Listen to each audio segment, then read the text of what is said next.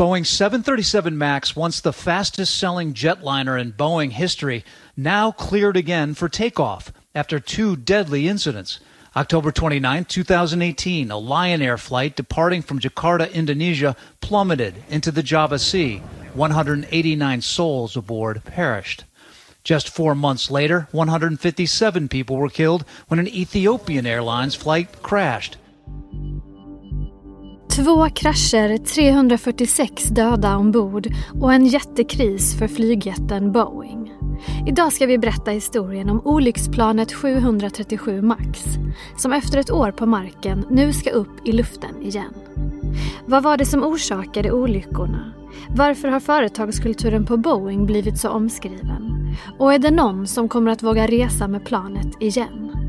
Det ska vi prata om i dagens Aftonbladet Daily. Och vi gör det med Thomas Augustsson som är reporter på Svenska Dagbladet.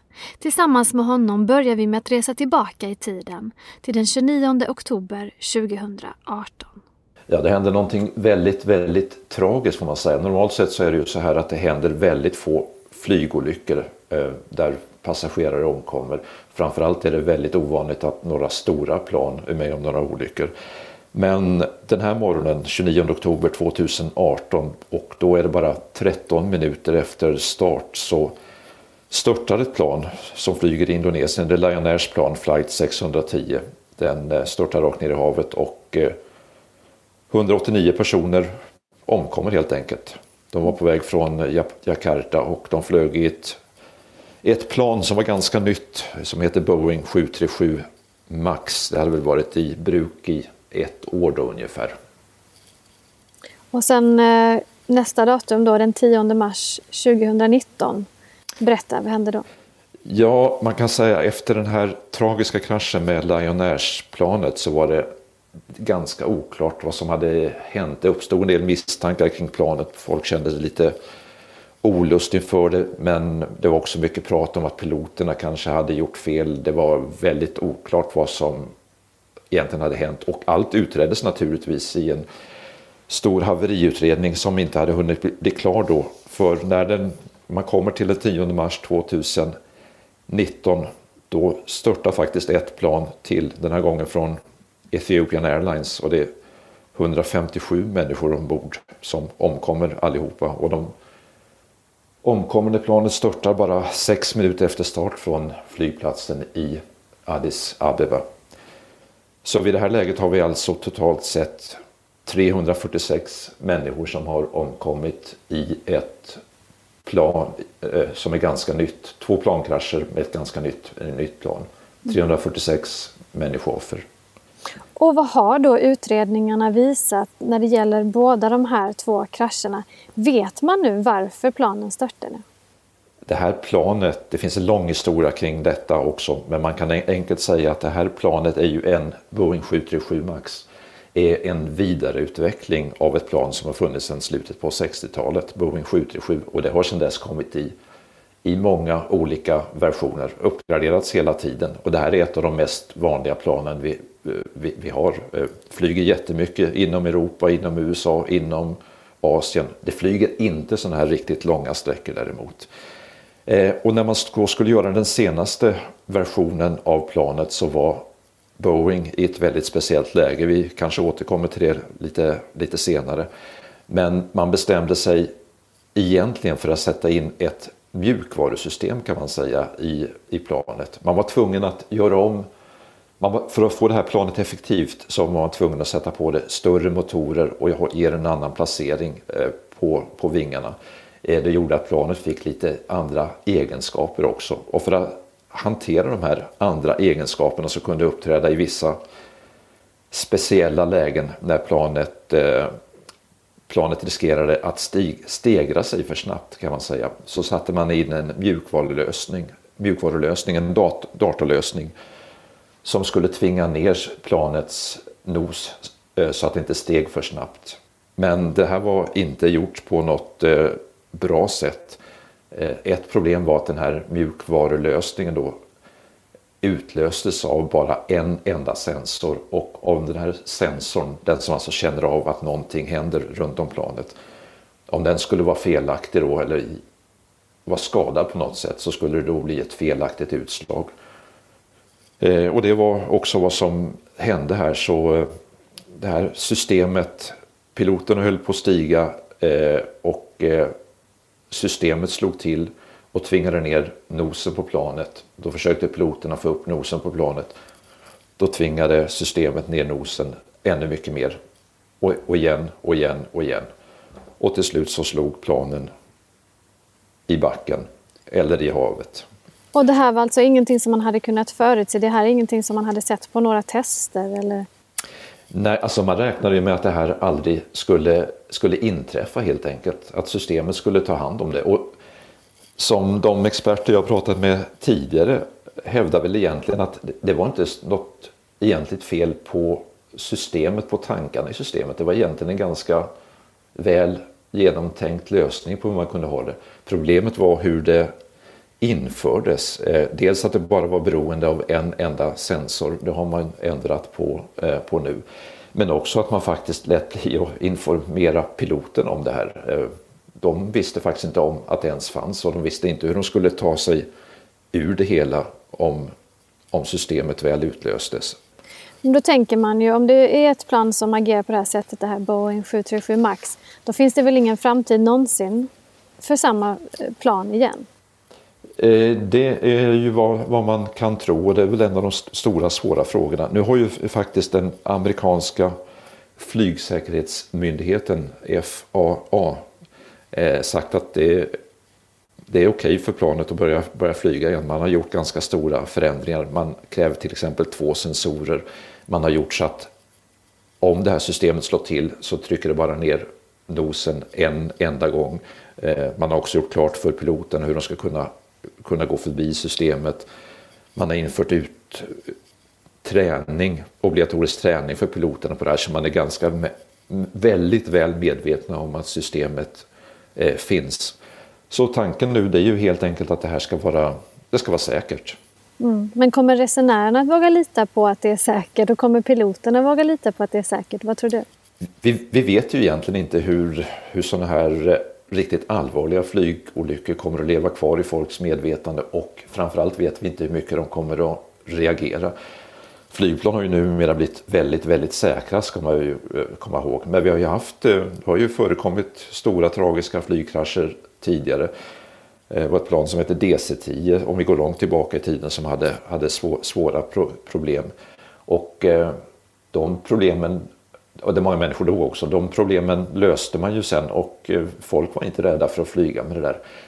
Men det hände också i en helt annan tid ska man komma ihåg. När det inte fanns några sociala medier, när man inte diskuterade sånt här. Mediebevakningen överlag var inte så, så omfattande.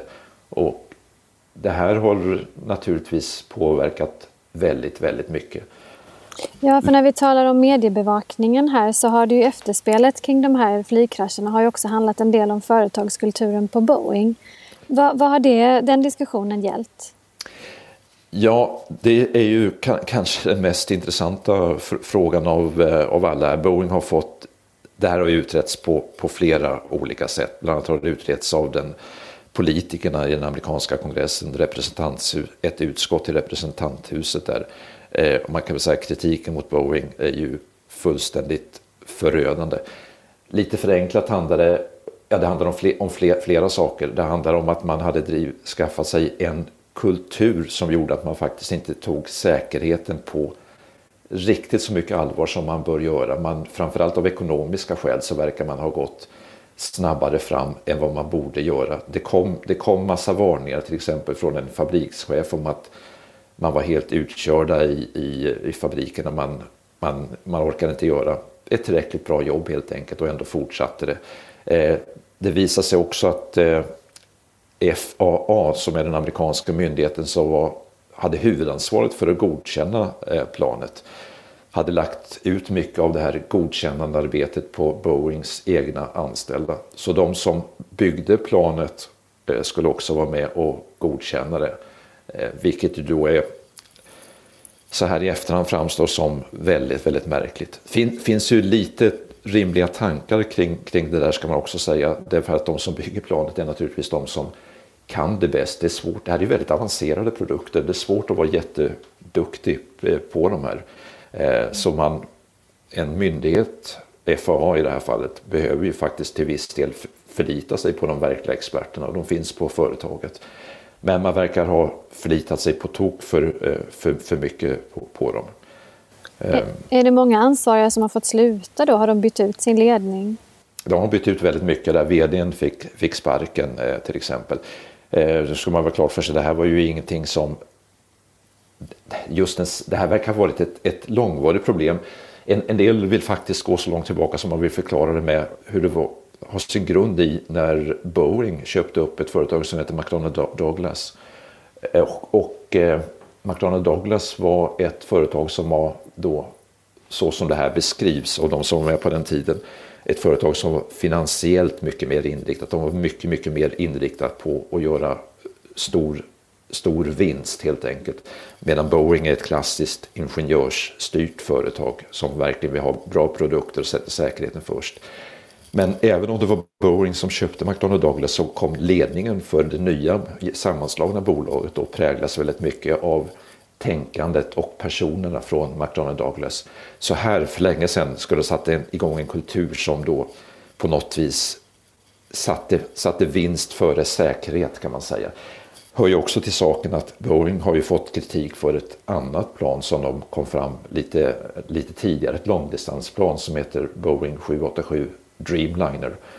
Eh, som också hade flygförbud i tre och en halv månad om jag minns eh, rätt. Det var, det var inte för att någon för att det var någon krasch och någon omkom. Det var flera incidenter med ett elsystem som man fick brand ombord eh, på planen till exempel. Det var elsystem som inte fungerade bra. Det verkar som man har gått lite för snabbt fram och sparat lite för mycket mm. helt enkelt. Hur stora är Boeing om man jämför med andra flygjättar? Ja, alltså den här marknaden för att tillverka stora flygplan, där finns det egentligen i dagsläget bara två företag. Det ena är då amerikanska Boeing som vi pratar om nu, de som gjorde det här planet 737 Max. Och det andra är det europeiska Airbus, ett företag som man egentligen skapade i Europa genom att slå samman flera företag för att de skulle konkurrera med, eh, med, med Boeing. De dominerar idag fullständigt den här marknaden, så det är två stycken. Mm. Sen kommer det, kineserna har till exempel eh, stora planer på att försöka ta sig fram här, men de, de är inte framme än. Det här är ju, sker ju också då under en period när flygbranschen går på knäna. Alltså historiskt sett är det svårt att, att, att jämföra med någonting annat. Hela flygindustrin är ju i princip eh, stängd.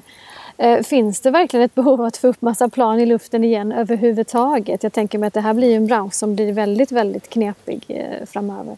Ja, det kan man nog lugnt säga. Eh, det där behovet eh, finns naturligtvis olika uppfattningar om. Eh, flera analytiker har uttalat sig och sagt att de ser inget behov alls av de här planen på den närmsta tiden. Man kan säga på, på ett sätt har ju det här kommit, jag vet inte om man ska använda ordet lyckligt för det finns inget lyckligt med de här två, två olyckorna.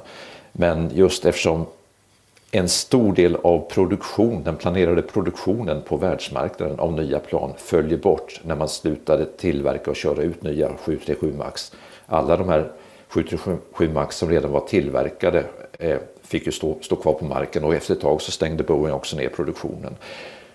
Och normalt sett skulle det här ha blivit ett jätteproblem för flygbolagen att de inte fick sina nya plan. Men så kom ju covid eh, och stoppade alltihopa. Så de har, ju, de har ju faktiskt inget behov av några nya plan nu. Och frågan nu, det, den är det ju ingen som har något svar på. Det är ju faktiskt hur länge kommer covidkrisen att pågå och hur länge kommer den att göra att flygandet är nere på så här otroligt låga nivåer som det är nere på, på nu.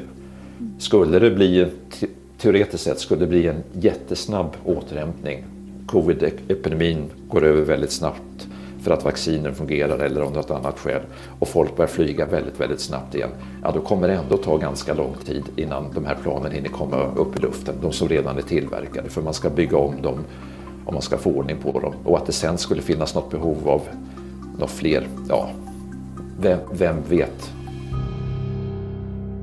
Sist här hörde vi Thomas Augustsson som är reporter på Svenska Dagbladet. Jag heter Olivia Svensson och du har lyssnat på Aftonbladet Daily. Prenumerera gärna på den här podcasten så missar du inga avsnitt. Vi hörs igen snart. Hej då.